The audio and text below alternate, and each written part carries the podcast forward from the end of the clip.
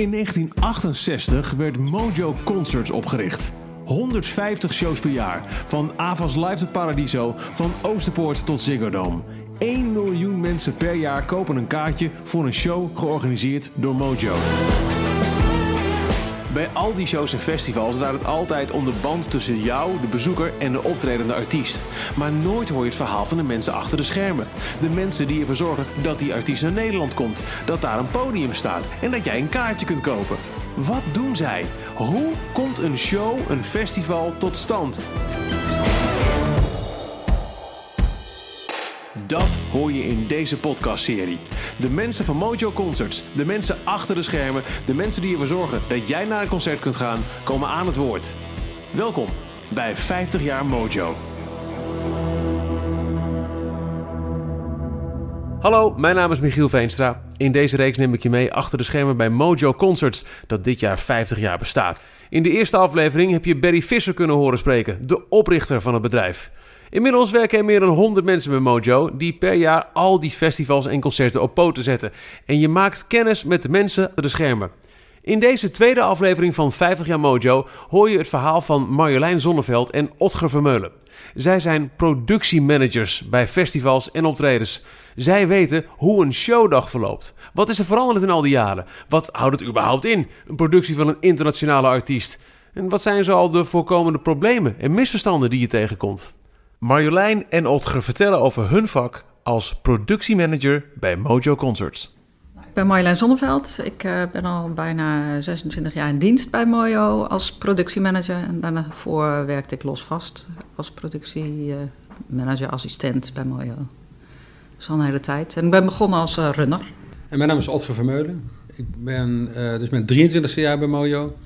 En hiervoor zat ik in de geluidstechniek. En ook via die connecties uh, kwam ik in aanraking met Mojo. En uh, in 1996 in dienst gekomen. Nu is voor Marjolein en Otger het heel normaal om achter de schermen werkzaam te zijn bij een concert of een festival. Maar op welk moment in hun leven kwamen ze erachter dat er überhaupt zoiets was als een backstage? En dat je daar dus zou kunnen werken? En dat het ook iets voor hen zou zijn?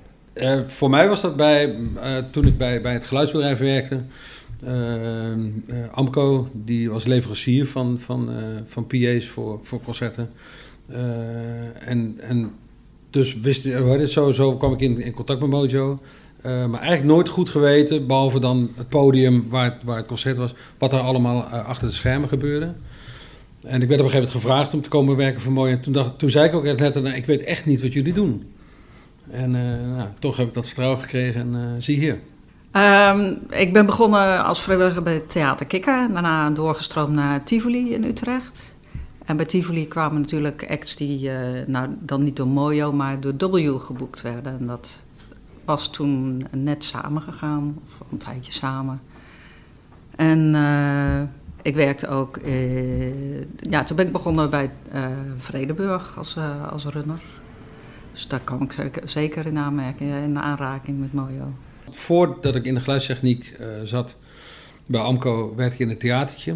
En uh, uh, was het theatertje van Tineke Schouten. En mijn broer daar technicus, en, maar ik kwam daar ook wel eens. En hij ging toen het land in toeren. Toen kwam ik daar te werken als technicus. En ik had echt nog nooit een microfoon of een lamp. Ik wist echt niet wat het was, maar ik ben gewoon begonnen. En toen kwam daar ook op een dag uh, de, de Frank Boeiengroep met hun fanclubmiddag. En er kwam een crew binnen en Jules Thijs was daar de, de, de crewchief van. En uh, ik had nog nooit met rock'n'roll crew en was ik in aanraking gekomen. Ik wist echt niet wat me overkwam. En een hoop bombari. En, uh, maar ik vond het wel heel fascinerend. En toen weet ik dat ik aan Jules vroeg van... was heel leuk werk voor jullie doen. Hoe ben je er zo bijgekomen? En eigenlijk door de jaren heen is mij die vraag ook heel vaak gesteld. Van, uh, van hoe, hoe, kan ik erbij komen? maar dat was voor het eerst dat ik met die rock'n'roll in aanraking kwam. En later bij, bij Amco, ja, dan was dat meer dat, dat ik uh, voor de concerten ging werken bij, bij Pinkpop. Um, maar eigenlijk nooit, nooit als bezoeker in de zaal gestaan en gedacht van uh, wie organiseert het eigenlijk allemaal en hoe zouden ze het godsnaam aanpakken. Kun je nu nog normaal bij een show staan als bezoeker? Nou, dat is wel best wel lastig. je staat toch altijd om je heen te kijken. Je staat vaak toch tussen collega's en dan heb je het al snel over productionele dingen. Ja.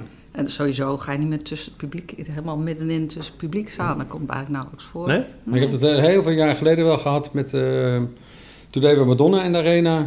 En toen hadden we ook zo'n moment dat de show begon. En toen dacht ik, nou, heel even kijken. En toen stonden we daar vooraan in dat eerste vak. En toen ineens had- dacht ik, hé, hey, ik sta met mijn rug naar het podium... te kletsen met mijn collega's over het werk. Eh, andere mensen die, die, zijn, weet je, die, die staan hier in het eerste vak echt voor helemaal een hele andere reden. Toen ben ik ook weggegaan. Ik dacht van, nou, weet je wel, ik ben hier om te werken ook. En, eh, en toen kwam later kwam U2. Daar hoefde ik niet te werken, maar kon wel binnenkomen. En toen ben ik ook echt meteen midden in, de, in dat eerste vak gaan staan. Zodat niemand me kon zien van mijn collega's. En toen heb ik de show helemaal kunnen zien van begin tot eind. Want dat wil ik heel graag. En eh, want ik dacht, als ik weer aan de zijkant ga staan, dan gebeurt me hetzelfde als toen de tijd met Madonna. Wat houdt het werk van Marjolein en Otger nou precies in? Op het visitekaartje staat productiemanager. Eh, ja, dat klopt. Ja, wat, de- we hebben boekers, die boeken een show. En je hebt een zaal, eh, daar gaat dat beentje dan optreden. En zodra de datum bekend is en ja, de deal is rond, dan stappen wij in. En dan zijn wij zeg maar de, de tussenpersoon tussen het beentje en de zaal. We vertegenwoordigen Mojo. In, in feite krijg je dan te horen eh, op een gegeven moment, als eigenlijk alles al rond is, eh, artiest X staat locatie eh, Y op die en die datum, succes. Ja, En dan? Dan, eh, dan probeer je zo snel mogelijk informatie te krijgen van een band. Want die deals worden ook wel eens gesloten. Als, als die band nog helemaal niet mee bezig is van hoe gaan, we- wat gaan we eigenlijk doen op de tour. We- De artiest, hè, het initiatief ligt altijd bij de artiest eh, of bij de band. Ehm, maar als het proces op gang komt, dan, dan ja, dat kan nog maanden eh, weg zijn ervan. Maar we willen wel, eh, dat is heel vaak zo, de show moet wel in verkoop. Dus hoe, hoeveel mensen kunnen er op de vloer? Hoeveel passen er? En, en hoe is het zicht aan de zijkant op de tribunes? Maar als wij dat niet weten van artiest, dus dan is, ja, dus dan is toch proberen te achterhalen van, eh, nou, wat, wat voor richtlijnen zijn er? En ja, dat is echt wel het nulpunt waar we, waar we moeten beginnen. Komt ook voor dat er een artiest op tour gaat en er is al een hele dikke rider en alles staat erin. Bijvoorbeeld in, in Ziggo, wat in feite een, een grote lege doos is. Ja. Daar kan een artiest ook met, met elk circus wat ze maar bedenken naar binnen komen rollen. En dat is dan ook het verhaal dat je op een gegeven moment leest... de zichtlijnen zijn bepaald en er zijn kaarten bij. Ja, ja. Je leest nooit de zichtlijnen zijn bepaald en er moeten kaarten af. Dat moeten, Nee. We moeten mensen thuis laten. Wie, wie gaat ze bellen? Nee, dat, dat niet. Terwijl het soms wel eens zo is dat eh, de productie groter is dan Ja. verwacht. En dat het, de zicht aan de zijkant bijvoorbeeld slechter is dan verwacht. En dan proberen we of we mensen kunnen verplaatsen of eh, dat de productie deels aangepast kan worden. Maar dat lukt niet altijd. Zeg maar, hoe, hoe, hoe doe je dat dan? Probeer het podium bijvoorbeeld zo ver mogelijk naar achteren te zetten. Ja. Eh, als er nog plaatsen elders zijn, dan kan je die, die eh, reserveren om mensen naartoe te verplaatsen. Overleg met eh artiest, want het is natuurlijk ook in hun belang dat, eh, dat iedereen het goed kan zien en horen. Ik heb helemaal... De eerste Iron Maiden show was in eh, het Gelredome. Nee, nee, in Ahoy. Ahoy. En ik kende die, die band niet. Ik was, dat was echt voor het eerst. Dus, dus ik wist ook niet met wat voor een productietour zij. En dat doen ze eigenlijk altijd. hebben ze altijd op dezelfde manier gedaan. Ik wist dat niet. Dus die show gaat in Ahoy in de verkoop. En die productieman, die, daar heb ik contact mee. En ik, vraag, ik zeg tegen hem van, de kaartverkoop gaat goed. En we zijn eigenlijk al tot aan de zijkant door. Dus kunnen we eventueel verder? Ik wist niet wat voor een decor zij meenemen. Hij zegt, sell al! Dus ik ook prima, dus ik geef dat door aan de ticketing. Dus echt tot de laatste stoel in Ahoy, tot schuin achter het podium, worden die kaarten verkocht. En in de ochtend komt, dat, komt, dat, eh, komt die productie binnen, die beginnen op te bouwen. En ergens eh, rond tegen het middaguur verschijnt daar een kasteel op het podium. Eh, waardoor die hele band wordt, die verdwijnt achter dat kasteel. Ik zit te kijken, ik denk, al die mensen aan de zijkant, alles wat we verkocht hebben, die hebben niet slecht zicht, die hebben geen zicht. Die zien die band absoluut niet. Nou, dus ik vond En dit, enigszins- nogmaals, dit, dit, dit zie je op de dag van het op de concert. dag van het concert zie ik daar dat, dat hele gevaar te verschijnen. En, ehm, eh, en dus ik voel me enigszins genaaid door die productieman, man van oude stempel, eh Dickie Bell. En die, eh, dat komt goed, want hardrocks doen niet moeilijk. Dus die gingen gewoon staan en die gingen gewoon dicht bij de bar. En eh, we hadden toen nog wel toegestaan dat ze op de trappen mochten zitten. En kwam goed. Eh, maar ik had wel die relatie met Dick Bell, die stond wel meteen, dat was wel meteen duidelijk van, ja, je moet goed op je, vieven zijn. Eh, nou, toen kwam de, ik heb ze nog een keer gehad op een festival. Maar toen kwam de, de Brabanthallen met, een, met een uitverkochte show, 14.000 man. En toen ging het over het podium, het podiumhoogte. Zij willen altijd een heel laag podium. Maar wij willen met staand publiek een hoger podium. Zij wilde 1,50 en ik wilde 2,40. Ik dacht, nou kom je ergens op de 2,20 kom je wel uit, of de 2 meter. Maar hij hield vast, nee, dat kan echt niet. Dat kan die band, die accepteert dat niet. Het moet een laag podium zijn. En toen heb ik gedaan wat hij toen bij mij deed. Ik heb gewoon een podium van 220 laten bouwen. En je zoekt het maar uit. Uh, er komen 14.000 mensen, die betalen allemaal evenveel. En als je achteraan staat, moet je ook die band kunnen zien. Dus ochtends kwamen ze binnen. En toen zei hij al, uh, die crew kwam binnen en die keken naar het podium. En die zei, ah, this is all wrong. This is all wrong. En die zeiden, hey, jij, krijgt een probleem vanmiddag als de band binnenkomt. Dus die band kwam binnen en die ging soundchecken en ik hoorde niks. Ik denk, nou, het zal meevallen. en ik dacht, nou, hè, want ze hebben gewoon strak uitverkocht. Dus er wordt ook genoeg verdiend vandaag, die hebben niks te mopperen. Helemaal aan het eind van de avond, show is goed gegaan. Uh, die productieman, die, uh, die ga ik eigenlijk een soort van gedag zeggen. En toen zei hij, ja, zegt hij, ik moest bij de band komen vanavond. En ik heb wat zaken moeten bespreken met ze. En net toen ik wilde weglopen, toen was er die bassist, die is eigenlijk de, de, leider van de band, die zei: Kom nog even terug. Hij zegt: Het podium of de bergen stond te ver weg. Put it in the contract. It needs to be closer. Put it in the contract. En dat, was dat is de reden waarom ze het podium laag willen. Dan kan de bergen weer dichterbij. Dan hebben ze wat meer interactie met de eerste rijen. De echte fans. Maar wij zeggen: iedereen is echte fan. Uh, toen kwam Assen, uh, een paar jaar later, uitverkocht, 25.000 mensen op het circuit. Heel, heel, heel uh, uniek, want die geluidsvergunning, dat heeft jaren geduurd.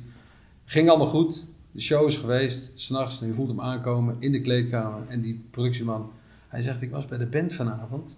En de bassist zei van, uh, de bergen moet dichterbij.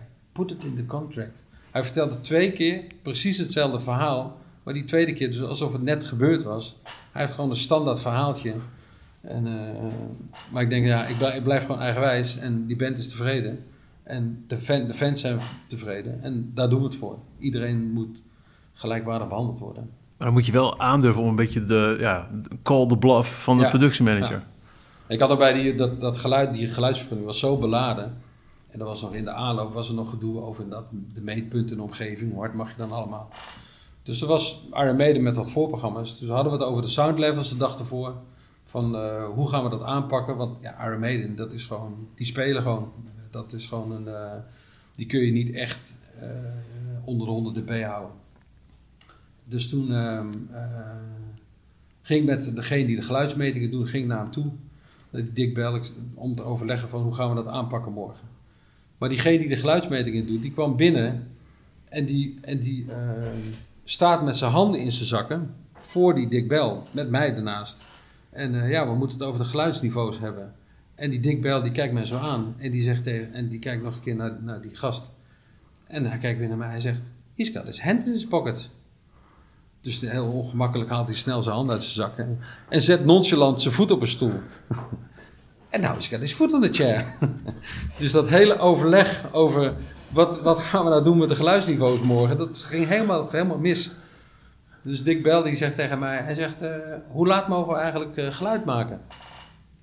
Uh, want ze wil natuurlijk soundcheck in de ochtend voordat... Ik zeg vanaf 12 uur.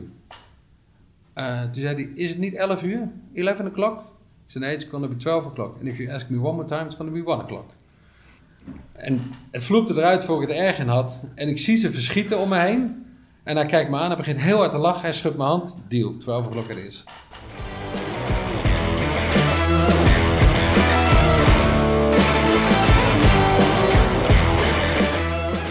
Eerste show die ik deed voor Mojo als productiemanager was eh, Bob Dylan in uh, Vredeburg. En uh, toen was net de Kuwait-crisis, volgens mij. Dus de Amerikanen waren nogal bang voor ja, aanslagen of wat dan ook, dreiging in ieder geval. Dus we moesten daar voor die poortjes neerzetten voor security check. Nou, dat hadden we volgens mij tot dan toe nog nooit gedaan.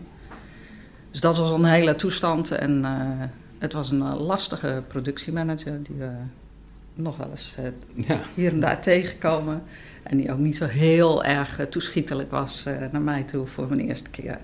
Maar uiteindelijk Bob Dylan is op tijd opgegaan en ook weer afgekomen. Dus, maar heb je dan dat je ergens die dag of, of in, in, aanloop naar dat event, je, je loopt dus tegen, tegen nou ja, weerstand, tegen, tegen behoorlijk wat eisen op als ik dat zo hoor, dat je denkt, oh god, hoe ga ik dit doen?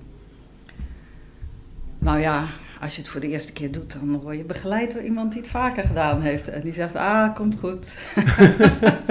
en uiteindelijk, weet je, je hebt uiteindelijk allemaal hetzelfde belang. Die show moet doorgaan. En uh, het moet goed gaan en het publiek moet een leuke avond hebben. Dus het moet wel heel gek lopen, wil een uh, artiest uh, het podium niet opgaan. Is dat wel eens gebeurd? Nou ja, door ziekte of... Ja, niet, niet dat door, natuurlijk wel, maar niet omdat het niet voor elkaar was. Omdat de lampen niet goed hingen of zo? Nee. nee. En uh, voor jou, eerste klus, uh, de echt, eerste echt professionele klus die je deed? Dat, nou, dat was de, de, allereerste keer dat ik... Uh, was met de Red Hot Chili Peppers... Nee, sorry, nee, niet Chili Peppers. Met David Bowie was dat. In de, in de jaarbus in Utrecht. dat was, de eerste, dat, was, dat was net voordat ik in dienst kwam. Dus het was nog wel echt meedraaien. Mm -hmm.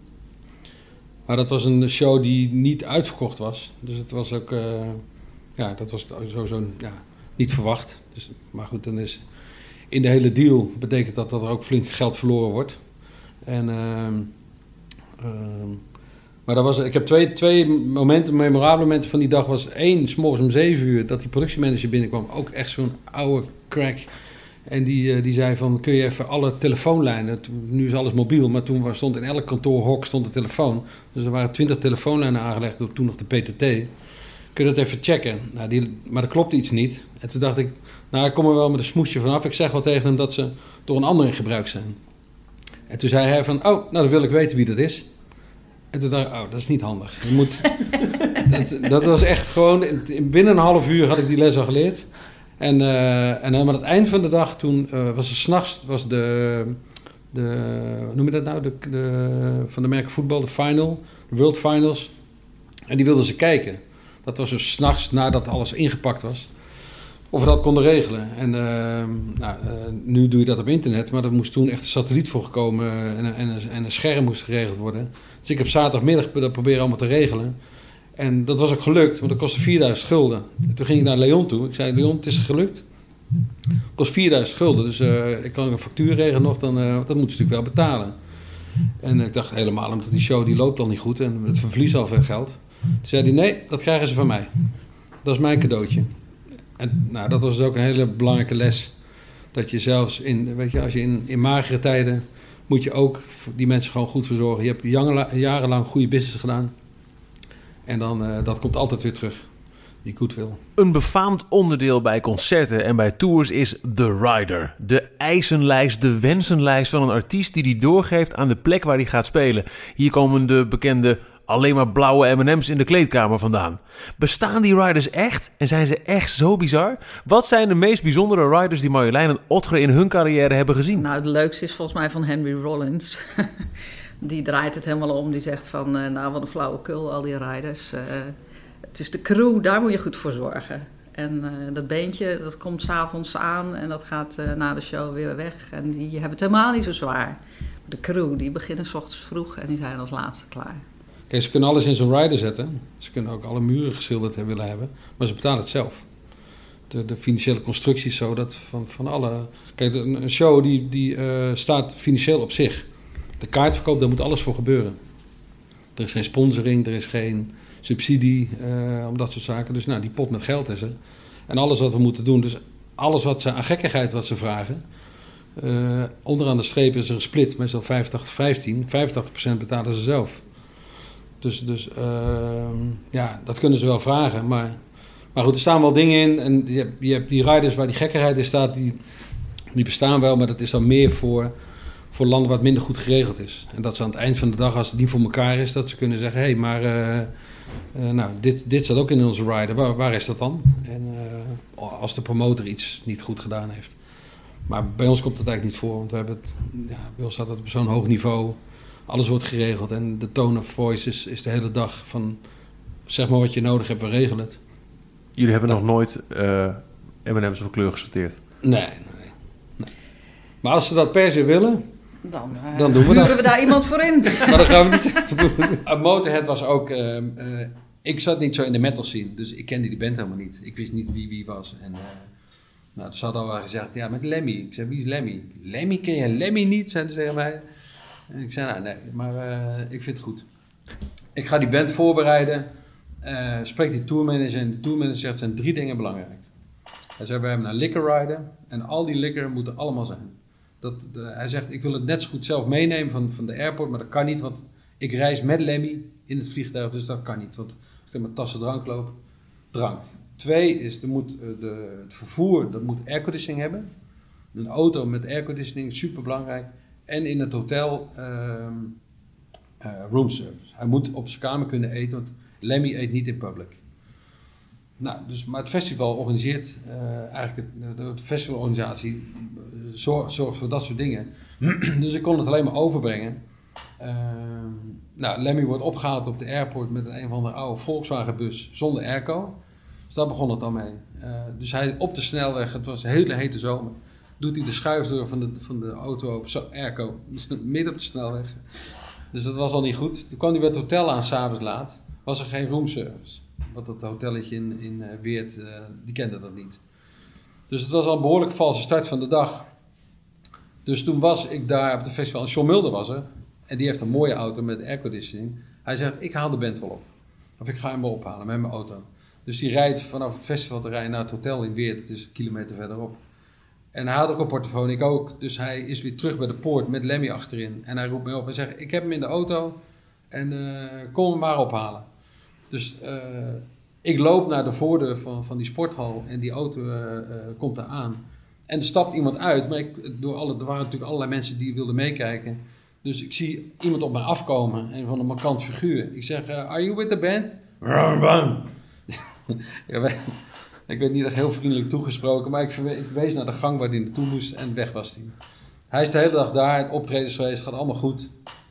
S'avonds is weer het moment van vertrek. Die auto staat daar klaar. We hadden een dikke auto geregeld. Het was allemaal dik in orde. Maar het was nog drukker, want iedereen wilde wel een glimp van Lemmy, zo niet een handtekening van Lemmy krijgen. Dus in al die drukte staan al die mensen daar. Hij komt uit de kleedkamer en hij loopt richting de auto bij de voordeur.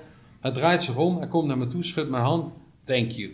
Hij draait zich om, gaat in de auto is weg. En ik heb die man helemaal niet gesproken. Maar op een of andere manier, van al die mensen die er stonden, schudde hij mij de hand om te bedanken. I don't know for what. En, en andere opvallende zaken in, in Ja. Riders door Ja, we hebben wel eens gehad ook, eh eh, er moest een catering, die werd dan, eh, wij moesten een cateraar leveren die ook de artiest moest cateren. En er was iemand mee vanuit de tour, ik weet niet meer wat het was, een vrouwelijke artiest, ik weet niet meer.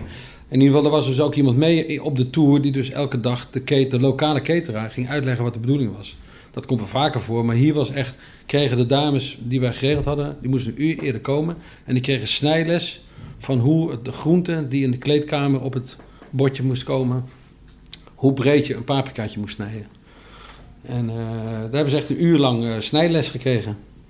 Of snijles, eh, maar wel van, nou, dit is de breed en dit is de smal. Het moet zo. En dat was dan ook, als dat nou een leuke dame was, dan was het nog leuk, maar het was ook een hele vervelende dame.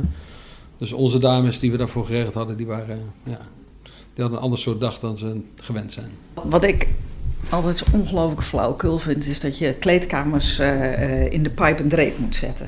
Dat is eh, dat je de hele wanden bedekt met zwarte doeken witte doeken. En daar moet een vloerbedekking in. En dan snap ik wel dat als je in een sportkleedkamer bent, dat dat nodig is. Maar in de Ziggo Dome of de AVAS zien de, ja, zien de kleedkamers gewoon prima uit. Daar ligt een goede vloer in en de muren zijn mooi geschilderd. En als ze dan binnenkomen en zeggen van where's the pipe and drape, dan denk ik ja, oké, kan, maar wat een onzin. Ja. Alleen maar omdat dat dan in, omdat de artiest dat in elke kleedkamer wil. Maar het loopt- daar loopt het er niet op stuk dan. Nee, natuurlijk niet. Nee, Nee, ja, ik heb geen idee. Nou, eh, een, een enkele keer zeggen ze van nou het ziet er prima uit. En een enkele keer zeggen ze van eh, ja, wat er ook gebeurt, die doeken moeten er komen en er moet vloerbedekking in. Nou, we werken met heel veel leveranciers die eh, snel eh, kunnen leveren. Dus weet je, je hebt, uiteindelijk heb je heel veel al een keer meegemaakt. Of ook onze collega's hebben wel meegemaakt. En, eh, en onze leveranciers dus ook. Is er in de loop van de jaren veel veranderd in jullie vak? Ja, kijk, als je het, als je het, uh, als het omdraait van wat Marjolein ook zei, van wat is de essentie van de shows, dan is die ontmoeting tussen artiest en publiek op een bepaalde plek, dat is al het jaar hetzelfde. En dat servicen van die, van die de, hoe, wij, hoe wij dat uh, productioneel aanpakken, dat is, dat is dus in essentie ook hetzelfde. Uh, alleen, ja, er zijn allerlei technieken en voor en achter de schermen die veranderen. ja, waar ze mee komen. En, en het andere wat, wat wel echt veranderd is, is veiligheid. Uh, ja, daar is, daar is door de jaren, afgelopen jaren natuurlijk met alles wat er gebeurd is, uh, kijken we daar anders naar. Uh, en en zet, we, we, we, trekken dat ook naar een hoger plan. En, en veiligheid, de security is. Ehm, ehm, je moet, je moet je, hoe zeg je dat? Je moet de omstandigheid veilig, je moet het onder controle hebben. Maar we hebben het ook zo dat we veiligheid een onderdeel maken van het event. Dus het service van mensen. Er zijn heel veel beveiligers, maar die, dat zijn geen uitsmijters, dat zijn mensen die service leveren. Service om, om je makkelijker snel naar binnen komt. En nu is er meer, of meer controle, ook op, op kleding en op tassen en dergelijke. Maar mensen vinden dat fijn. En als je dat op een vriendelijke manier doet, dan kom je op een leuke manier binnen. En als je binnen bent, en, maar goed, tegelijkertijd, dat is ook ongezien, uh, is er wel veel hoger veiligheidsniveau. En uh, ja, er zijn ook wel voorbeelden van, die, van, van mensen die we die we op een camera zien, die iets geks doen, die we misschien in het verleden niet zouden zien. Uh, ja, we pikken er wel wat meer uit. Andere grote verandering is natuurlijk uh, computer, uh, mobiele ja. telefoon. Want toen, wij, in ieder geval toen ik begon, had ik had geen computer, geen mobiele telefoon. En ging per post. Gewoon, de rijder kreeg je per post. en dan ging je hem doornemen en dan zocht je een geschikt moment om met Amerika te bellen.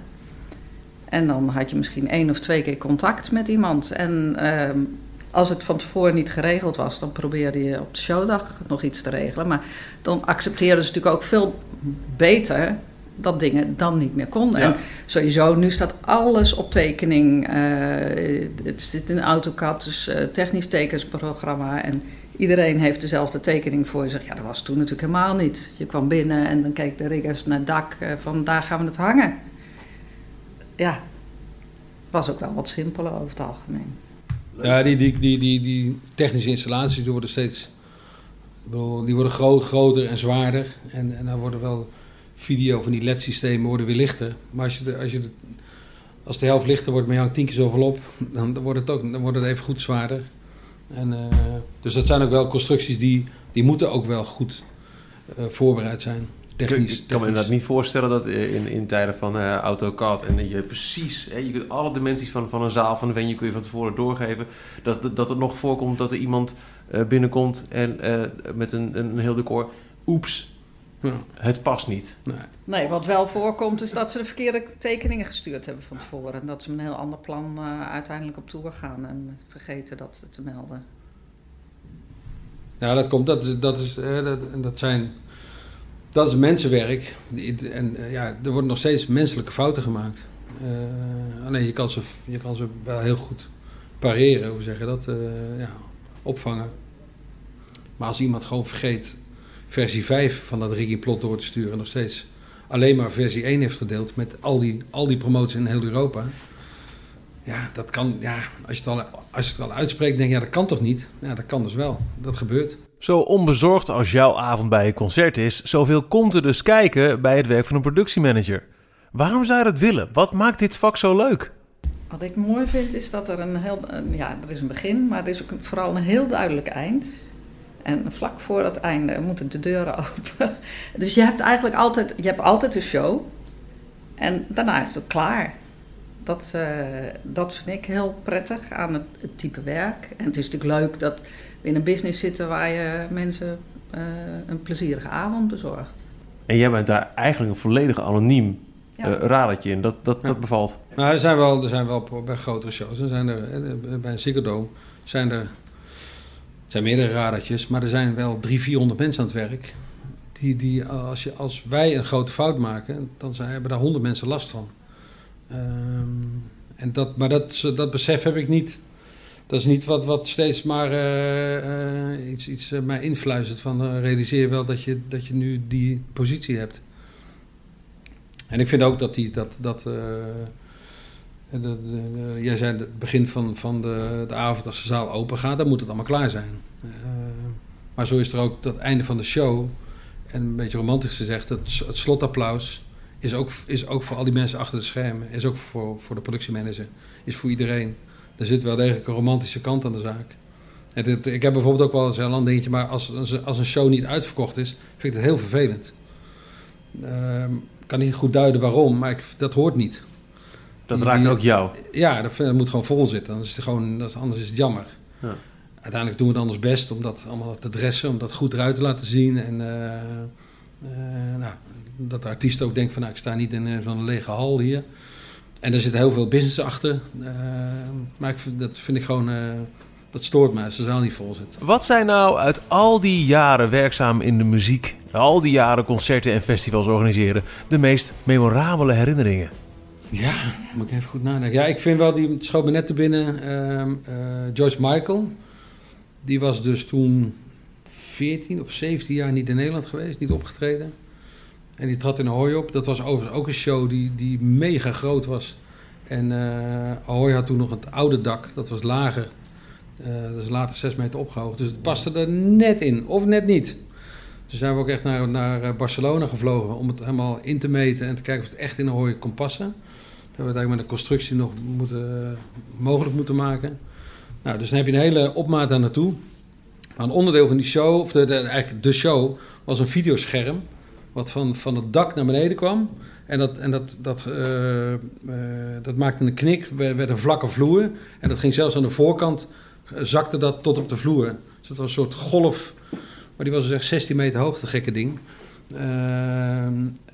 en die kon open, die kon openschuiven. En het eerste, eh, het eerste nummer van. van uh, het was al dat ik in, in Barcelona tegen die productieman zei. Toen die had van hoe kunnen we niet verder doorverkopen. Dat ik zei ja, je moet niet te ver pushen. Want ze moeten hem wel zien, want hij is lang niet geweest hè. En toen, eh, toen keek hij ook zo van, oh ja, daar heb je eigenlijk wel een punt. Ja, we moeten niet, uh, je kunt niet ermee volstaan dat die de helft van de show, dat die mensen niet kunnen zien. Dat is één. En dus dat, nou goed, dat hele feest was opgebouwd in Ahoy en de show begon. En hij begon te zingen achter het scherm. En ik kende dat hele nummer niet. Hij heeft natuurlijk een enorme rij hits. Maar dus voor mij was het een onbekend een ballad. Uh, en dat scherm was open. En, dat, en het laatste zinnetje van, van, dat, uh, van het liedje is Here I Am. En het scherm gaat open en hij zingt Here I Am. En hij stapt eruit. En al ontploft werkelijk helemaal dat hij daar was. Daar hadden ze al drie minuten moeten wachten. Nou, 17 jaar. Plus en drie, minuten. minuten moeten wachten. En dat vond ik wel super speciaal. Dat vond ik echt spectaculair. Uh, uh, ja. Ik vond uh, de Adele-shows, die vond ik, dat vond ik wel spectaculair. Ja. Het was misschien, ja, het, het, was een mooie productie om te zien ook. maar ja, zij is ontzettend goed. En we hadden vier shows in de Ziggo Dome. Nou, dat was al heel bijzonder. En ja, dat, op een andere manier spektakel als, ja, ja. als ja, dat was echt zeer bijzonder. mooie show. Maar ja. In de legendarische film Spinal Tap wordt een niet bestaande rockband gevolgd en er gaat nogal wat mis. Een van de meest bekende scènes is als een van de bandleden niet tevoorschijn kan komen uit een groot decorstuk waar hij verstopt in zit. En naarmate shows en ook decors steeds grotesker worden, is natuurlijk de kans op dat soort fuck-up steeds groter. Gaat er wel eens wat zo erg mis? Uh, nou, ik heb wel eens in, uh, in Vredeburg lang geleden, toen was het nog een klein bandje, maar Radiohead uh, speelde in Vredeburg. En we zouden om tien uur beginnen met opbouwen. Er stonden twee of drie vrachtwagens buiten. En uh, kwart voor tien dacht ik van, god, mijn crew is laat. Onze crew, die ik besteld had. En om tien uur komt de productieman binnenlopen. Zo van, where's the crew? Ik zei, goeie vraag, ik weet het eigenlijk niet. Dus ik ben gaan bellen. Oh, is er show vandaag? Dus er was gewoon geen crew. En ik zal het wel vergeten zijn uh, te bestellen. ik dacht dat ik bestelde, maar goed, ze waren er niet. En uh, dat was wel even een, uh, een uh, ja, lastig moment. Dus ik heb gezegd tegen de productieman van, ja, sorry, ze komen eraan, maar het kan even duren. Maar ik ga kijken wat hier binnen aan het werk is, wat kan helpen. Nou, dus iedereen van het Vredeburg is achter zijn bureau vandaag gekomen. Die hebben de vrachtwagens leeggetrokken. En uiteindelijk, we hadden twee dagen show volgens mij. het was een prima dag. En ik ben hem jaren later nog eens tegengekomen. Toen zei hij van ja, was eigenlijk best oké. Ja, je bleef gewoon rustig. Ik denk, nou, als zij rustig is, dan komt het wel goed. Dus... Ja. je moet rust uitstralen. En, en ik ben ook al alert op altijd. Op mensen niet gaan, gaan schreeuwen, hun stem verheffen of hard rennen, zoiets. Dat, dat geeft onrust. Ja. Dat zou niet, dat zou niet moeten. Misschien stoelen? Stoelen hier bij Van Morrison? Oh ja, bij Van Morrison hier. Ja, ja, ja dat was... eh, toen was... ehm, hoe was dat ook alweer? Dus het podium was ook niet zo diep. En, eh, dus we konden in de zaal wat meer rij kwijt. En dat was ook allemaal... Dat was op voorhand al, al eh, bekend. De stoelen waren ook, ook verkocht. En, eh, maar Van Morrison is, is nogal van op de tijd. Die, eh, die speelde vroeger heel lang, maar eh, al sinds een aantal jaar speelt hij strak anderhalf uur en that's it. Dus die heeft ook een hele strakke begintijd, want hij vliegt naar huis s'avonds. Dus de eindtijd is nog veel belangrijker dan de begintijd, bij wijze van. Nou, dus, die, eh, dus er is opbouw overdag en op, het moment als al die techniek gebouwd is, dan kunnen ze de stoelen gaan plaatsen. En de band komt al binnen, smiddags voor de soundcheck. En de stoelen waren nog niet eens halverwege en dat duurde maar. En er waren maar, ze waren met veel te weinig mensen daarmee bezig. En eh, nou, op een gegeven moment kwamen wel wat meer mensen. Maar lang verhaal kort, aan het eind kwam dus het liedje toen ze vooraan bij het podium waren. Toen waren de stoelen op. Dus er waren geen stoelen meer. eh, en toen was het al, moesten we al open. Eh, en dat heeft... eh, maar door, dat ging maar door tot aan de show. De show begon ook later, dus ze begonnen bij Van Morris ook echt ja, terecht zeer nerveus te worden en wat minder aardig. Eh, maar goed, het, uiteindelijk werd het opgelost. Eh, overal stoelen vandaan gehaald en iedereen zat en de show begon. Hij was op tijd klaar. En eh, dus, nou, zoals Marjolein ook zegt, er is altijd wel een show. Alleen toen was, stond ik aan het eind van de avond stond ik aan de zijkant van de zaal met iemand van, van de toen nog Heineken Musical die niet meer werkt. En ik had zo'n portofoon om, dus toen kwam een meneer naar me toe. Die zei, bent u van, van de zaal? Ik zei, nee, dat is hij. dus ik wees meteen naar die, naar die ander. En eh, dus die man die zei, nou, zegt hij, eh, ik zat dus op rij 1, maar ik ben van de brandweer. Maar dit was dus niet oké, hè? Dus er stonden allemaal losse stoelen en dat moet natuurlijk allemaal gekoppeld zijn en veilig zijn. Maar dat stond helemaal, helemaal dicht. In de gangpaden stonden overal stoelen. Dus, eh, maar het liep me de sisser af, eh, gelukkig. Zijn je dan wel eens starstruck? Je bent ook gewoon natuurlijk li- muziekliefhebbers en, en, en fan van iemand, denk ik. Ook weer in Vredenburg heb ik naast David Bowie gestaan. Toen hij op moest. Eh, Het was toen met Tin Machine had hij een optreden. En ik was geen fan van Tin Machine, maar wel van David Bowie. Dus dat vond ik wel, ja, wel heel bijzonder eh, om eh, naast zo iemand te staan. En ik heb zeker bands en artiesten waar ik fan van ben. Wat ik, die muziek die ik draai, zou ik maar zeggen. Maar het is, wel een knip dat als, als ik een show doe, dat ik, dat, ik, dat, ik dat, ja, dat, dat is dan niet aan de orde. Want het, komt ook wel eens voor dat, we, dat een artiest iets in het Nederlands wil zeggen op het podium. En dan vragen ze aan iemand of je, of je een paar regeltjes kan vertalen. En die vraag is me ook een paar keer gesteld. Dus ik heb het laatst ook voor, eh, bij Queen gedaan. En met Peter Gabriel een keer en zo. En dus dan loop je de kleedkamer in. Maar dan ben je gewoon... in- ja, dan, dan, eh, dan eh, ben je gewoon in gesprek. Dan vertelt hij wat, wat, hij wil doen. En dan gaat hij het een keer voordoen. En nou, dan geef je een compliment. Hartstikke goed. En, en dat is het dan. Maar dan loop ik niet weg dat ik denk... van, Jesus, dat is wel zo'n heel speciaal moment. Dat is, dat is een echt werk. Ja, ja. Eh, ja, ik heb dat niet zo. Nee, maar normaal gesproken hebben we ook niks met artiesten. We hebben, onze Nee. contactpersoon is de productiemanager, soms Ja. de tourmanager. En Ja. eh, veel dichterbij eh, kom je over het algemeen niet. Als hij maar op tijd opgaat. Ja, Ja, want wat als een artiest niet opgaat? Wat doe je als productiemanager na een lange dag als een concert onverhoopt niet doorgaat? Nou, We hebben natuurlijk een, eh, een, een reeks shows gehad in het Gelderdoom over de jaren.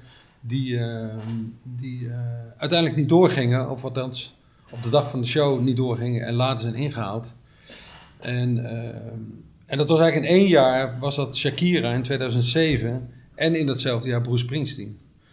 En Shakira was... dat was niet zo, dat was niet zo chic, want eh, zij cancelde pas om half zes middags toen we al open waren en, en de zaal al half vol zat.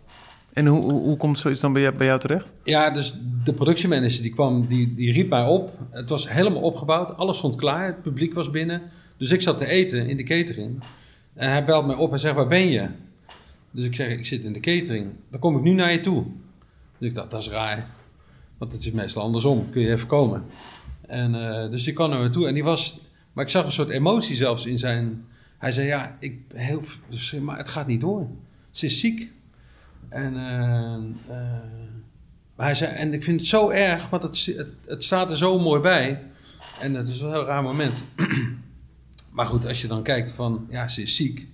En eh, ja, dat, weet je, dat, dat dacht ik, van, dat weet je 's ochtends ook als je wakker wordt. Van dit wordt hem niet vandaag. Dus dat dacht ik van, ja, weet je, en dan met die historie die van Ahoy, dat ze daar ook iedereen laat wachten tot, en niemand durft een beslissing te nemen. Uh, ja, dat was niet zo chic. Dus toen moest iemand het podium op. Dat heeft John Mulder uiteindelijk gedaan. Van ja, helaas, ze is ziek, ze komt niet. Uh, gelukkig konden we wel in die, in die korte tijd die we hadden... al zien in de agenda van uh, dat er een vervangende datum beschikbaar was. Dus we konden ook meteen zeggen, ze is ziek, het gaat niet door, maar dan wordt het ingehaald. Hoe ga je dan naar huis? Als je, je, je bent dan, hè, dat hebben we al gehoord, je komt uh, s ochtends vroeg binnen, je helpt met het, met het begeleiden van het opbouw van het hele circus. Ja. En um, je gaat eigenlijk onverrichte zaken de boel ook wel afbreken. Ja, en dat is, dat is heel raar. Uh, daarvoor zijn we die dag niet gekomen. En je bent met heel veel. En, en niet iedereen zit op hetzelfde meer in. Maar als je, uh, als je er zo bij betrokken bent uh, met de bedoeling om, om die operatie op te bouwen. En dan moet die show plaatsvinden. Dat is heel raar dat je dus niet om acht uur een show start, maar om acht uur begint met afbreken. maar goed, dat hoort erbij. En dat, dat doen we heel professioneel. Uh, en uh, nou, die show is later ingehaald. En Bruce Springsteen in hetzelfde jaar, daar was het dus gelukkig wel zo dat hij s ochtends wakker werd. En dus wel dacht van, dat wordt hem niet vandaag. Dus al rond het middaguur was toen die cancellation. En nou, dan komt het hele apparaat in werking. En het mooie was dat, dan is ook die afbouw die gaat... Of nee, nee, ik zeg het verkeerd, want die show werd de volgende dag ingehaald. Het lukte hem die dag niet, maar hij zou... Nou, dus alles bleef staan... Uh, maar toen we open gingen om half zeven, dan moet je dus, dan is het rond de middaguur dat het bericht eruit gaat. En er stond echt maar een handjevol mensen voor de deur. Dus iedereen had dat wel. Het was blijkbaar, dat konden wij natuurlijk zelf niet uh, meemaken. Maar zelfs op de stations is het omgeroepen. En boven, ik geloof zelfs dat boven de snelwegen uh, het gestaan heeft. Het was echt national, national news. maar dat resulteerde erin dat iedereen dus ja, niet naar het Gelderland is gekomen. Op 99,9 procent. Uh, maar wel de dag daarna. Als jij s'avonds bij de concertzaal aankomt, sta je er niet bij stil dat de productiemanager al de hele dag druk bezig is geweest. De AFAS, Ziggo Dome, dat loopt eigenlijk allemaal wel een beetje hetzelfde. Uh, s ochtends vroeg uh, ben je aanwezig uh, vlak voordat de productie van de band binnenkomt. En dan is de crew ook aanwezig, is security. de riggers zijn er en dan begint de opbouw. Normaal gesproken krijg je nog even een broodje. Hè? De catering is er natuurlijk ook. Begint de opbouw, uh, dat loopt door tot uh, ergens vroeg in de middag. En dan uh, in de loop van de middag gaan ze soundchecken. Dan gaat het voorprogramma soundchecken. En dan gaan de deuren open. Ja, het is om, om, om 7, 8 uur start de dag en om 11 uur is, klaar. Inpakken, wegwezen. En tussen 1 en 2 reizen de stad uit op, op weg naar de volgende. En dat gaat, dat gaat ook in een heel rap tempo. Daar waar, waar een paar maanden voorbereiding uh, vooraf gaat. Uh, dat is in een paar uur is dat, uh, is dat gepasseerd. S ochtends had de productieman uh, van het bandje, het zijn bijna allemaal mannen, maar ik een vrouw. als die binnenkomen, dan loop je een rondje, je wijst alles aan, je introduceert ze bij de crew, bij de riggers. en dan gaat het wel lopen. Het, ja, we hebben veel shows hier of in de Ziggo Dome, dus de, de, mensen van de zaal weten precies wat er moet gebeuren. En Eigenlijk word je dan alleen inge, ingeschakeld nog als er iets niet helemaal lekker loopt. Kijk, zo de, de, de, de, de productie uh, gaat van stad naar stad door Europa. Dus die moeten zich elke dag ook aanpassen. En ik ben altijd op zoek naar degene die, of je kijkt altijd naar degene die zich weet aan te passen. Dat hoor je heel snel. Dat zie je en dat. En ik ben altijd wel, uh, zit ik om me heen te kijken van wie, wie probeert hier, uh, niet kwaad bedoeld, maar ja, iets door te duwen wat, hier, wat we hier niet doen. En waar moet ik dan En daar moeten we wat mee. Weet ik veel, ergens, weet ik veel, iets voor een nooduitgang zetten, iets raars. Weet je, oh. ja, dat moet gewoon hier staan. En dat kan iemand zeggen, maar dat kan best wel zijn omdat hij, weet je wel, die heeft misschien uh, uh, ja, contact met thuis gehad en er is iets. Dat kan van alles zijn. Hij kan slecht geslapen hebben in de bus.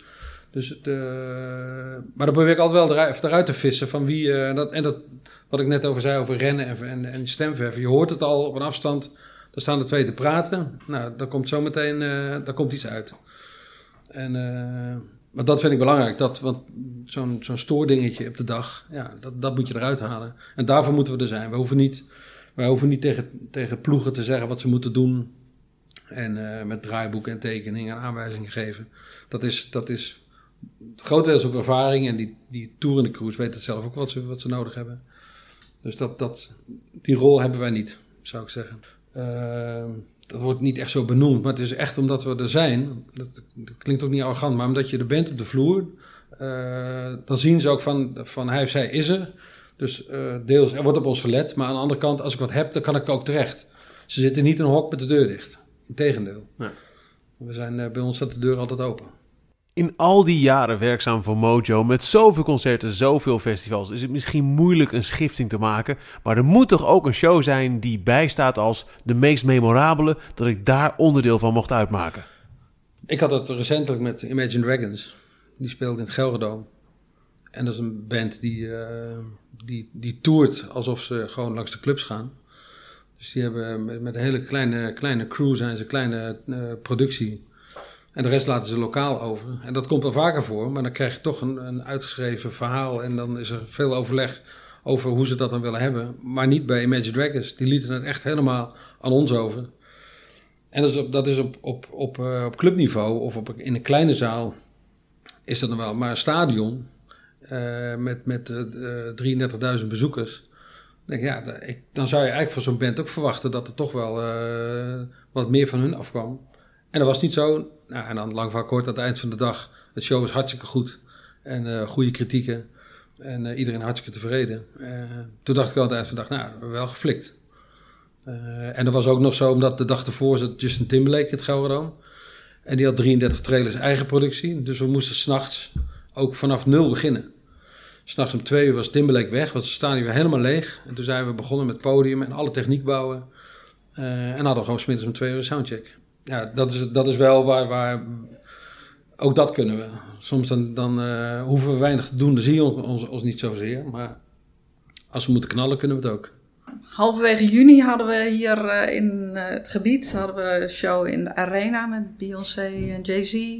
Roger Waters stond in de Ziggo Dome, was daar. Hayo zat in de Arena. En ik was hier met Demi Lovato. En uh, nou, dat was op één dag dus uh, volle bak overal. En dat dat dan uiteindelijk allemaal goed gaat met de, de publieksinstroom, uitstroom, uh, parkeren. de crew die ook door alle afzettingen heen moet komen. nou, dat dat allemaal goed gegaan is, dat is heel fijn. ja. ja, dat lijkt dan aan het eind van de dag van nou, another day in the office. Ja, maar ondertussen... ja, er zat ook best wel wat voorbereiding aan, aan vast. Ja, dat is denk ik wel, je minuten binnen, dus het oplijnen van, van alle partijen. Wat Marjolein net zegt, dat je iedereen goed vertelt wat je verwacht, maar ook wat zij kunnen verwachten. En, dus, en dat je dus daar, daar, dat, dat je daar houvast aan kan hebben. Van, ook als iemand, ja, als het even tegenvalt, en zei, nee luister, we hadden dit gezegd. Kom op, hier in dit spoor moet je blijven. Uh, maar andersom kunnen ze dat ook van ons vragen. En we ook bijvoorbeeld Hartman, dat is ons crewbedrijf, die dan zelf bedenkt: oké, we moeten verder weg parkeren. Dan regelen we een busje. En als we dan wel ontheffing voor het busje kunnen krijgen, kunnen we onze crew heen en weer shuttelen. Kijk, dat is hartstikke fijn als mensen ook zelf, uh, ja. zelf dat soort plannen maken. En niet s'avonds uh, we, we kunnen er niet komen. wij, wij spreken niet het grote publiek aan, dat doen andere mensen. Er zijn andere kanalen voor social media, uh, bedienen we via een partij. En kunnen zo de grote groep bereiken. Maar ik ben wel, ik persoonlijk ben altijd, als ik ergens loop en iemand stapt op mij af. Of ik word gevraagd uh, van er is een probleem. Bij de entree staat iemand die daar is iets mee. Of een, uh, iemand in een rolstoel, er is iets mee. Dan ga ik daar naartoe. Omdat zo'n één op één contact, dat kan heel leerzaam zijn. Van hoe. Uh, en, en natuurlijk is, is het goed als iemand iets heeft dat je hem kan servicen. En dat diegene zegt, nou vind ik heel fijn dat het opgelost is. Dus het zit meer op één op één contact dan dat je, eh, nou ja, de, de, weet ik veel, met, een podium, eh, met een microfoon het podium op moet. En te zeggen, mensen, eh, let op, na het einde van de show de treinen gaan, weet ik veel. Dat is allemaal niet aan ons. Nee. maar we moeten er wel, over nadenken. Dat is wel ja, het is wel een onderdeel in de voorbereiding van de show natuurlijk. Ja, van wat voor een ingangsconstructie komt er te staan? Komen mensen vroeg? wat communiceer je van tevoren met ze over aanvangstijden? Denken we wel over mee, ja. Iemand in een rolstoel, eventjes helpen op weg de zaal in, kleine vragen van het publiek, dat is één ding. Maar zijn Marjolein en Otge vanuit hun rol als productiemanager ook verantwoordelijk voor mensen die besluiten om drie dagen van tevoren buiten een zaal te gaan wachten om als eerste binnen te zijn? Is de well-being van die buitenkampeerders ook onderdeel van hun werk? Ja, nou, heel zwart-wit gezien niet. Het evenement is, het evenement is uh, als je Avas Live neemt of Ziggo Dome, uh, gaat ook voor andere uh, locaties uiteraard, is als mensen over de drempel stappen, dan ben je in het concert. Dat is ook bij de Melkweg, bij Paradiso. En, maar het is niet zo dat je niet moet nadenken over als dat gebeurt, van wat, wat moeten we ermee?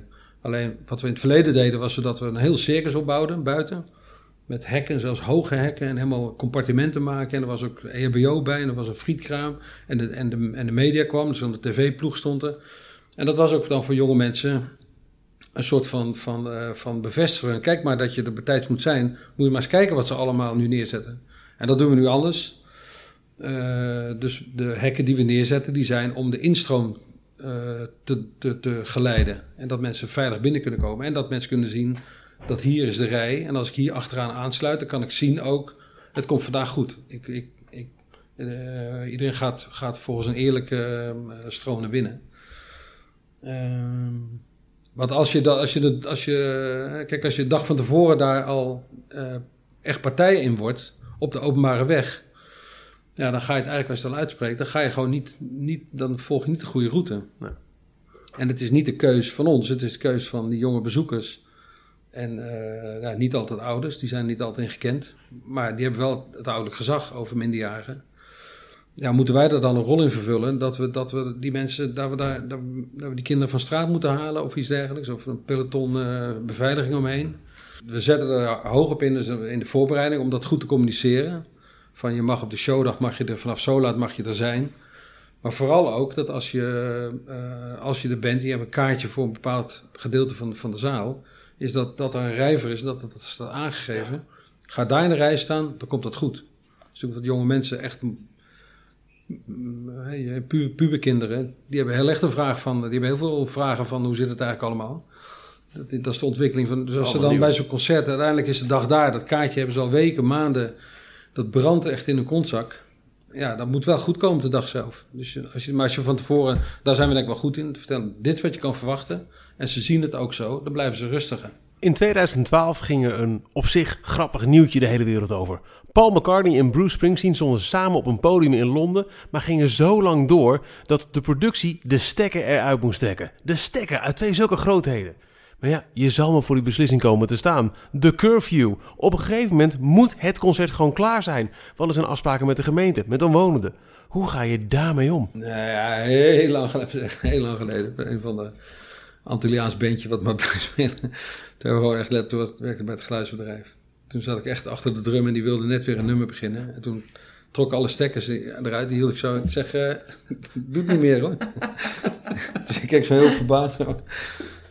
Maar niet op het niveau waar we nu zitten. Uh, dat, ja, dat kan eigenlijk niet. Ik moet zeggen, het komt niet heel vaak voor. En uh, we hebben in, in deze, bijvoorbeeld in de, Alf, uh, in de AFAS en, en in de Ziggo Dome, is de curfew niet heel strikt 11 uur. Het is niet als je er vijf minuten overheen gaat, dat je dan de boete krijgt. Of dat de stekker eruit wordt getrokken. Maar het is natuurlijk wel belangrijk dat mensen nog met OV naar huis kunnen. En dat is voor een artiest over het algemeen een, een belangrijk argument.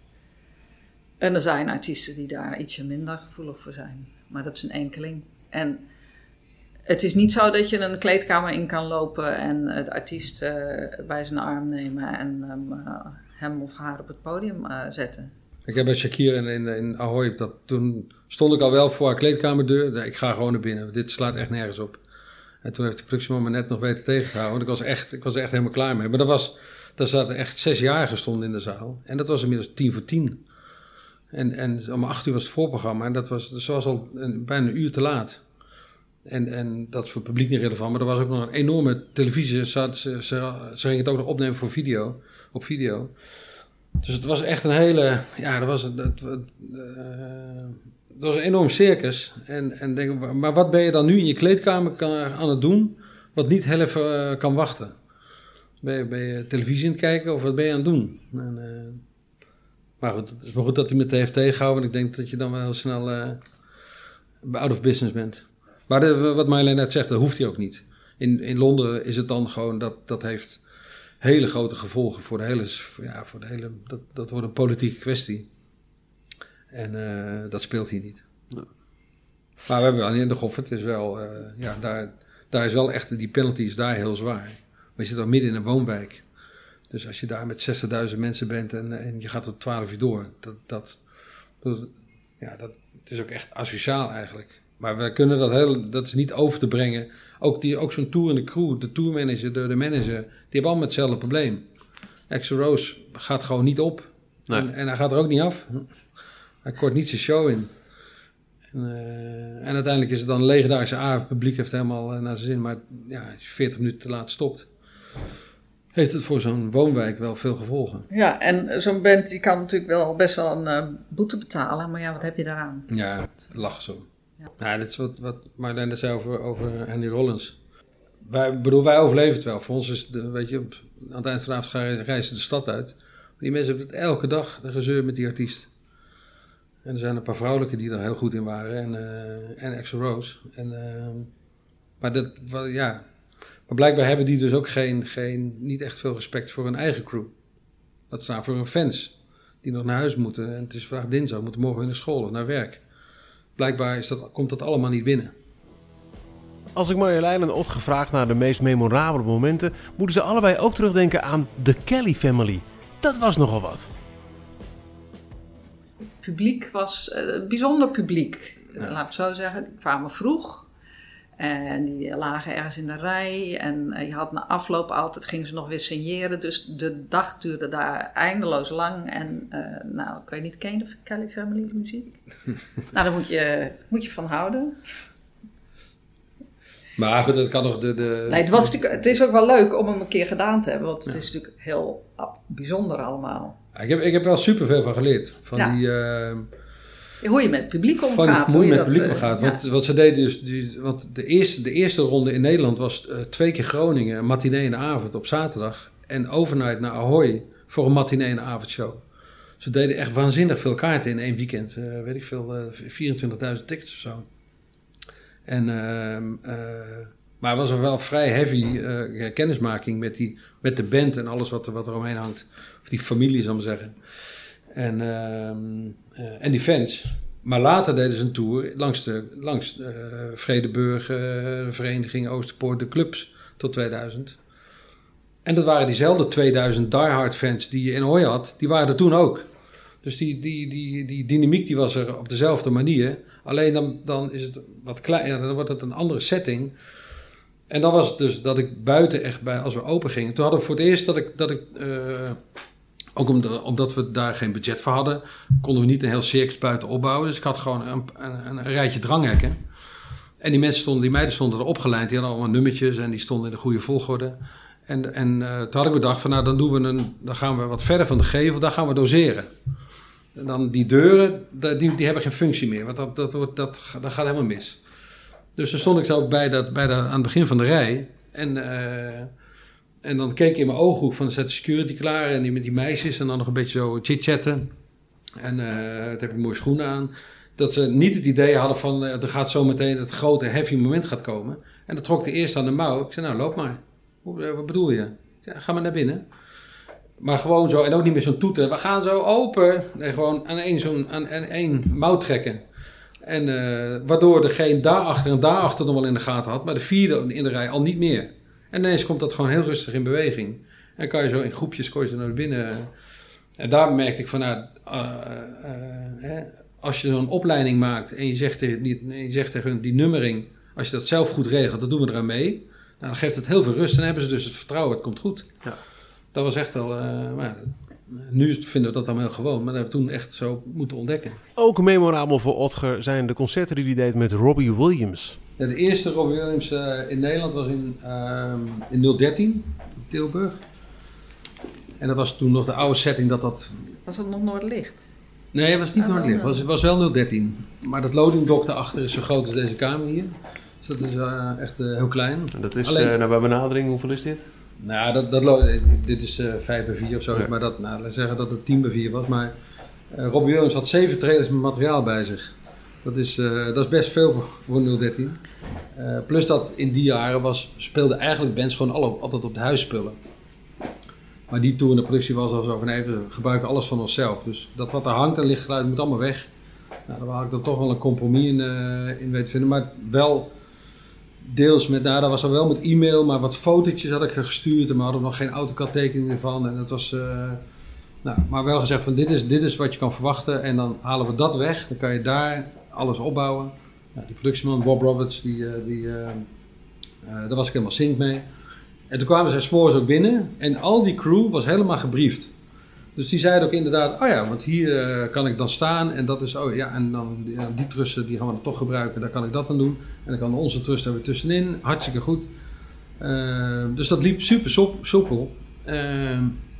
En toen kwam ineens op, om een uur of 11, 12, toen kwam in één keer de vraag, is er een teller hier in de house? Hij wilde televisie kijken. Ik zei, ja, wat wil je dan kijken? Ja, de Formula 1.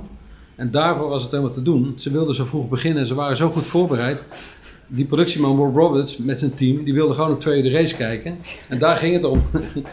dus er was ook echt een dark stage. Er was ook helemaal niemand meer aan het werk uh, om tien voor twee. En in het productiekantoor hadden we toen in die gang daar een, een grote bank in het productiekantoor weten te krijgen. Met een televisie. En daar zat hij met nog twee, drie anderen. En die race die begon. En uh, ik weet niet hoe die coureur, ik heet de Engelse coureur, die tegenover Schumacher race, weet je nou die breekhaken. Nou, anyway, nou, die reed geloof ik Schumacher eraf. Dus dat, dat productiekantoor dat was te klein voor, uh, dat ontplofte helemaal. En de rest van zijn crew die zat boven de regie, want daar was ook blijkbaar een televisie. En, uh, en, later in de middag toen, nou, de race was gedaan, toen startte het alweer op en Robbie kwam binnen en dan moest gesoundcheckt worden. En Robbie wilde voetballen, dat was natuurlijk, nu weten we dat, maar toen was het, uh, oh voetballen, ja we moeten voetballen hier in 013. Maar er zat dat parkje zat daar nog naast met een grasveldje. Dus ik zei, nou, we kunnen wel naar dat parkje. Dan kan hij hier door het hekje. En uh, dus Robbie met een aantal crew en die manager, God hebben ze zielen, die, wij naar dat parkje toe. En er zaten twee dames, het was al nu of zes of zo. En nou, die, die jongens gingen voetballen. Maar die manager, die, die kijkt mij aan en die wenkt naar die, naar die dames van, ja... kun je eens kijken of die dames, wat ja, ze moeten wel, de Robbie Williams, als ze, als ze daar gek mee doen, weet ik van, nou. Dus ik kwam naar die dames, ik zeg gewoon, ja, die jongens gaan even voetballen hier. Misschien even opletten als de bal door. Ik wist ook niet precies wat ik moest zeggen. Oh, zegt ze, nou, dat is geen probleem hoor, wij zitten hier gewoon rustig. maar wie is dat dan, als ik vragen mag? Ik zei, nou, als u het niet doorvertelt, dat is Robbie Williams met zijn aantal bandleden. Ach, wat alleraardigst, want mijn dochter staat aan de andere kant in de rij. dat zal ze leuk vinden als ik dat... Dus toen was, uh, nou, dus dat ging ook goed. Dus hij voetbald weer terug naar binnen. Ik denk, nou, we zijn toch aardig door de dag heen gekomen. Toen was het tegen achten. Werd ik opgeroepen of ik even wilde komen. En toen stond er een dame in de kleedkamer bij Robbie Williams. Net op het moment dat hij zich aan, aan het omkleden was. Toen dacht ik echt, we hadden echt, toch echt alles afgetikt. Uh, en het was helemaal uh, dichtgezet met security. Was er toch een dame erin. Waar bleek, dat was de dame van de fietsenstalling. En die kwam voor haar dochter een handtekening halen. Maar want, die, want alle bandjes die daar optreden 013, ja, niemand, niemand heeft security. En je loopt daar gewoon in en uit, want het is daar een soort inpander, die fietsenstalling. Maar dat was bij Robbie Williams toch niet helemaal gewend. Dus, die, dus of ik even die dame eh, naar buiten wilde begeleiden. Die, uh, ja, die stond er. Uh, ja, nu zou, dus, nu zouden ze er een foto van nemen en op social media zetten. Ja. Robbie in zijn onderbroek. Dus dat was wel een hele wonderlijke dag. En dan het slotstuk. Ik vraag het aan iedereen die te gast is in deze serie 50 jaar Mojo. Het is bijna ondoenlijk als je je hele leven, je hele professionele leven al mee bezig bent. Maar toch, wat is het meest bijzondere concert dat je ooit hebt bijgewoond? Dan moet ik toch wel Nick Cave uh, noemen. Alhoewel, ik, ik heb, hij heeft uh, onlangs opgetreden in de Ziggo Dome. Uh, ik deed die show en er was van alles, speelde van alles. Dus ik heb alles bij elkaar, misschien twee nummers gezien. Maar wat, uh, ik heb wel vaker een show van hem gezien. En zoals hij met zijn publiek omgaat en zo intense show geeft. Nou, dat, dat zie je eigenlijk. Eh, ja. Ja, daar is er maar één van. Tom Waits in, in het congresgebouw in Den Haag. En ik kende zijn muziek niet, niet goed genoeg. En dat was, als ik goed heb, twee avonden. En, uh, en die toerde ook niet met de productie. Dus dat allemaal obscure lampjes en dingetjes moest hij hebben. Hele speciale dingen heel veel tijd aan besteed. Maar dan heb je altijd in gedachten van ja, maar dat kan toch ook met een andere lamp. Wat, doe je nou moeilijk? Maar uiteindelijk zag ik op de dag zelf dit is helemaal dit zo, zo ontzettend goed theatraal in elkaar. En dan de muziek en uh, ook alle instrumenten. Het was allemaal analoog en stoffig en, en piepte en kraakte. Maar het was waanzinnig. Dat is echt... Uh, maar dan zie je, wat eigenlijk wat we allebei zeggen, is dus de, waar, waar die magie van het podium, die ontmoeting tussen, tussen publiek en artiest zo intens is. Dat zijn de mooiste dingen. Precies, dat je echt dat je ziet dat zo'n artiest daar echt voor zijn publiek staat en, en niet, uh, niet ja. maar de zoveelste show afdraait, maar gewoon contact zoekt. Dat is, uh, ja, is toch bijzonder. Ook in een zaal waar 16.000 mensen staan. Dat, uh, ja. Er zijn meer Pearl Jam onlangs en Eddie Vedder solo. Ja. Dus ook van, die, van dat soort... Ja, dat, ja. Nou, we hebben het eind van de avond dat je denkt, fuck, dit is echt legendarisch. Ja. Het is echt legendarisch. En, en dit was alleen maar nu. Als hij volgende week speelt, is het misschien wel niet zo. Lukt het niet. Tot zover Marjolein Zonneveld en Otger Vermeulen, productiemanager bij Mojo Concerts. Tot zover ook deze aflevering dus van 50 jaar Mojo. De podcast die hier elke twee weken is. Met daarin kopstukken of juist mensen achter de schermen van en bij Mojo aan het woord over het werk bij dat zo normaal lijkende bedrijf, maar dat ondertussen wel garant staat voor al die bijzondere avonden in concerten en op festivals. Vergeet je niet te abonneren in jouw favoriete podcast-app of deze podcast te volgen op Spotify, dan mis je geen aflevering. Graag tot over twee weken.